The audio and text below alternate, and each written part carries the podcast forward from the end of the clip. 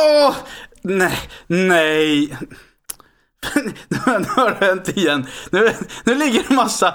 Nu har jag spilt igen här. Nej, Ja, nu- nej, nej, nej, nej. Nu, nu ligger det massa eh, sprit på min dator här eh, överallt. Det eh, på tangentbordet och... Men det, det kanske är bra. Det tar ju död på bakterier. Ja, det, det är bra i coronatider. Mm. På tal om corona. Det finns ju alla möjliga sådana här eh, förebyggande åtgärder som folk tar till för att skydda sig mot corona. Ja. Typ ansiktsmasker som inte fungerar. Ja, ja.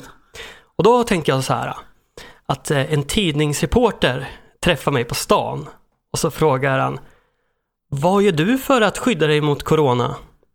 Och då säger jag så här eh, eh, För att skydda mig mot corona så köper jag corona. Fight fire with fire. Och så om man köper corona och så dricker man det hemma istället för att gå på krogen. Då blir man ju inte Aha. smittad. Ah, okej. Så. ja. Corona mot corona.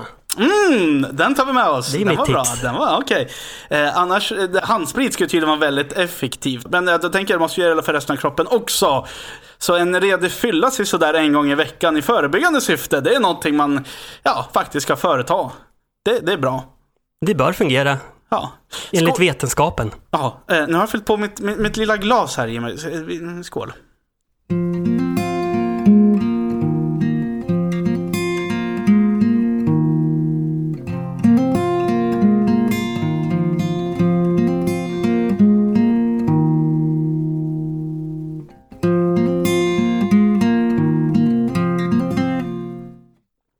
Helt i, i, eh, i förebyggande syfte alltså.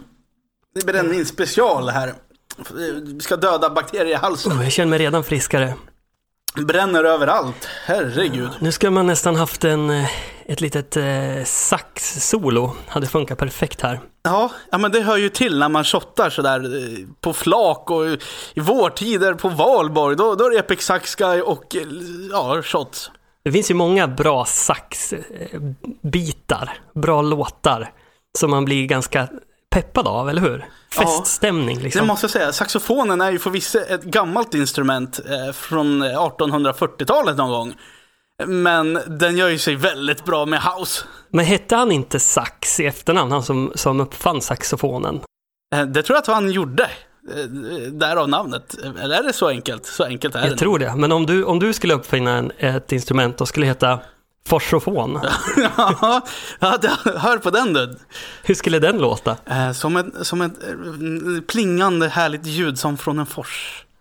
Lite drömskt sådär, men ändå lite studs i det hela. Kanske Forsiano? Eh, ja, varför inte? Ja, nej, men det tycker jag. Det kan bli något. Jag ska gå in i min bod och liksom snickra ihop något. Men åter till saxen då. Eh, på valborg speciellt som du nämnde så brukar jag lyssna på Epic Sax Guy. Är det en del av, eh, jag vet att du har ju festat, inte festat, men du, du har ju varit på valborg många herrans år eh, sedan Uppsala-tiden. Alltså det är inte ett, två, tre, utan vi är uppe i, hur många år har du varit där nu? Och Nu är det uppe i 11 tror jag. 11 år, det är en fin gammal tradition som ska fortlöpa. Jo, men jag, jag är kanske egentligen för gammal nu för att, eh, för att vara där, men Mm. jag ser mig själv som en sån här vampyr i, från True Blood eller något sånt där. Du vet, ju äldre ju mer respekt får man. Liksom. Mm, faktiskt, och jag tänker mig att då har man upparbetat rutiner och här kan jag tänka mig att det kanske finns en rutin kring den här Epic Sax Guy. Ja, det stämmer. Det finns ju rutiner för allting sådär. Eh, Och eh, eh, valborgs morgon, det, då brukar jag gå upp klockan nio. Och så brukar jag hälla upp eh, ett fat Baileys och så brukar jag hälla i lite flingor i den. Eh, och i samband med denna härliga frukost så brukar jag slå på Epic Sax Guy då. Remixen faktiskt. Det är inte den här 10 timmars eh, repeaten. Nej, den kommer senare på dagen. Mm. Utan från början så kör man bara den här remixen. Jag kommer inte Mm. ihåg vad den heter faktiskt. Eh, Men den börjar ju då lite sådär uppbyggande.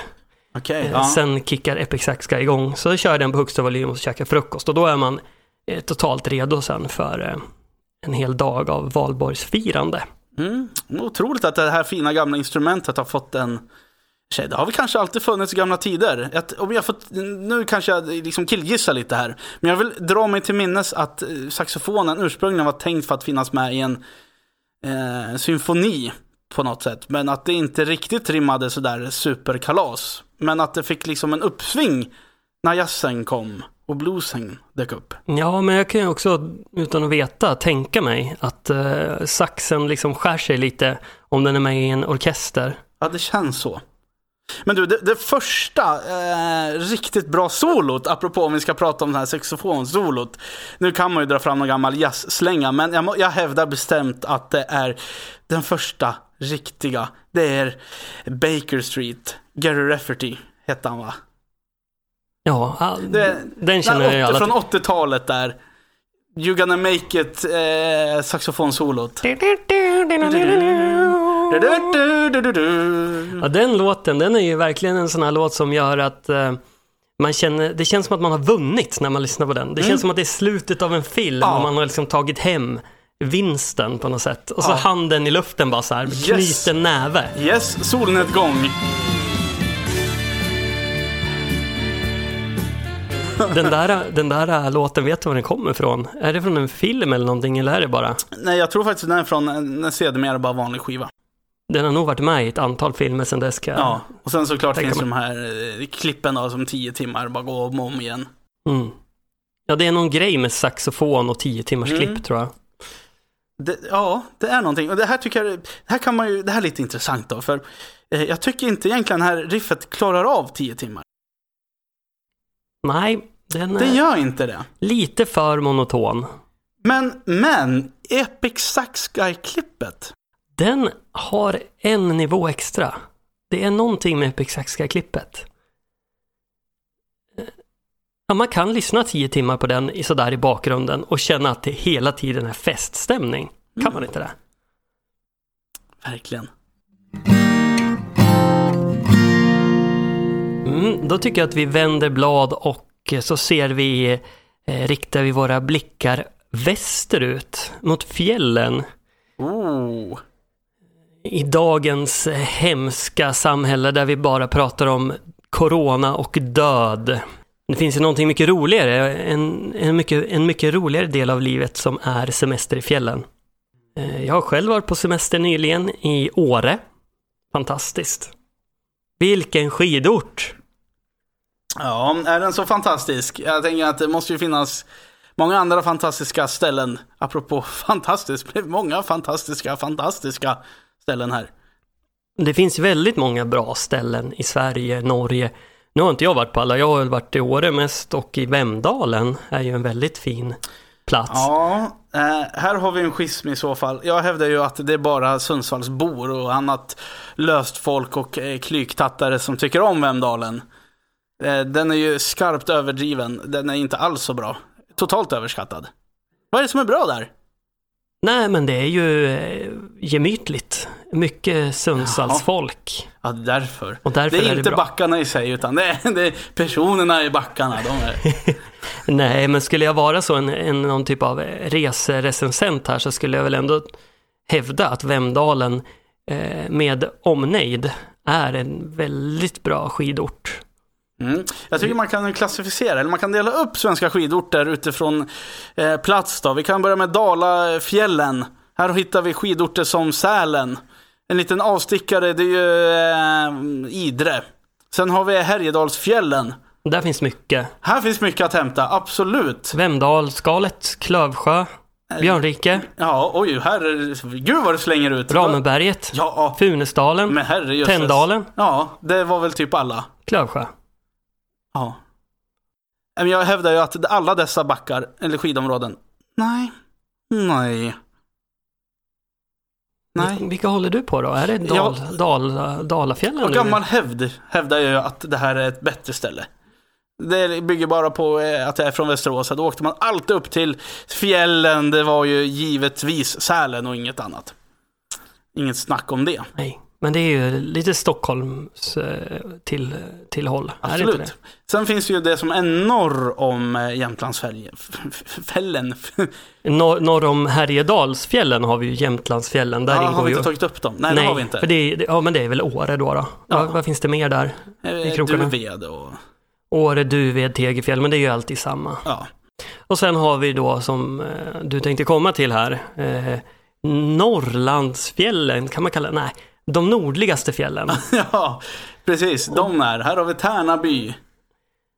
Och vi har ju Riksgränsen, Ja, det... det- nordligaste av det nordliga. Här har vi Kungakronan, hävdar många. Och där har jag aldrig varit, men jag skulle så gärna vilja åka till Riksgränsen och åka skidor. Ska vi nu välja här, och vi får ju ta bort där vi inte har varit. Då blir kanske ändå Åre stället man ska åka till. Jo, men det är störst. Över 80 nedfarter. Ja. Men vi kan ju röra oss eh, till andra delar av Skanderna. Vi kan hoppa över till Norge. Kan Trysil vara någonting? Trysil är ju känt då, och det är väl väldigt dyrt där om jag har förstått rätt. Jag har inte varit där själv. Väldigt fint, väldigt dyrt skulle jag säga. Ja, det, är, alltså, det är lite mekigare än Åre. Ja, det, är, det är 300 meter kortare. Bara en sån sak. Man Ja. hör ju att, nej. Och det gör en väldigt stor skillnad. Det finns inga, det finns ingen fjällåkning, alltså ovanför eh, trädgränsen. Jo då, det gör det i Trysil. Nej. Nu har du fel. Ja, du har ju varit där då, du kanske har rätt. Då. Det var något jag läste på nätet, att, det, att man inte kan åka över trädgränsen där. Jo, men det kan man. Men det är jävla massa trä och det är rätt liksom flackt ner till. Och, nej, det var med muigt. Åre är trevligare. Bra mycket bättre. Jag har fått för mig att det inte finns ett enda berg i Finland. Men det är ju fel. Kan man ens åka ut för Finland? Eh, Det kan man. Det är inte många svenskar tror jag som åker dit, men det kanske är så en liten pärla som jag missat faktiskt. Det finns i alla fall tre stora skidanläggningar i nordliga Finland. Jag vet inte ens vad de heter just nu, men Levi heter väl en. Ja, så där. Men varför åker man till fjällen överhuvudtaget? För min del så tycker jag det är väldigt kittlande att titta upp vid skymningen. Eh, Solen är på väg att gå ner och brukar sätta bergskammar och kalfjäll i brand. Eh, Det brukar väcka en tomhetskänsla inom mig som jag tycker är ganska angenäm. Den är lite vemodig sådär på ett positivt sätt. Man ser hur vinden tar tag i snön där uppe och yr lite. Ja, det är kallt och kargt, man känner sig ensam. Det är en dramatisk natur som får en att eh, nå sitt, sig själv på djupet lite mer än vanligtvis kanske. Ja, den kittlar någonting där inne tycker jag. Ja, det är något där. Ja, men det är någonting som händer när man kollar ut över en fjällkedja. Ja, ja det är det. det är trevligt. Lite hotfullt. Men jäkligt härligt. Tänk dig upp framför en, en öppen spis va, och så stora panoramafönster ut mot kalfjället och så solen på väg ner sådär. Så fastnar blicken på fjället och man börjar fundera över livet. Meningen med livet. Det är sådana där tankar som, som kommer då när man blickar ut över de här dramatiska fjälltopparna. Det, här, det bästa är att det är de här små, små ögonblicken då, som sker mellan att man korkar upp vinet och bjuder den till sina, sina gäster. Man har ätit klart. Man kanske håller på med disken.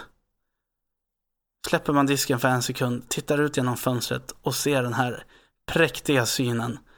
Och för en sekund så glömmer man lite bort vart man är och vad man håller på med. Sen tar sällskapsspelet vid. Och Ja. allt är som det alltid har varit. Ja men det är fint det där för om man eh, av någon anledning skulle eh, få några negativa tankar i huvudet då kan man alltid bara vända blicken ut mot panoramafönstret och så infinner sig ett lugn och en glädje.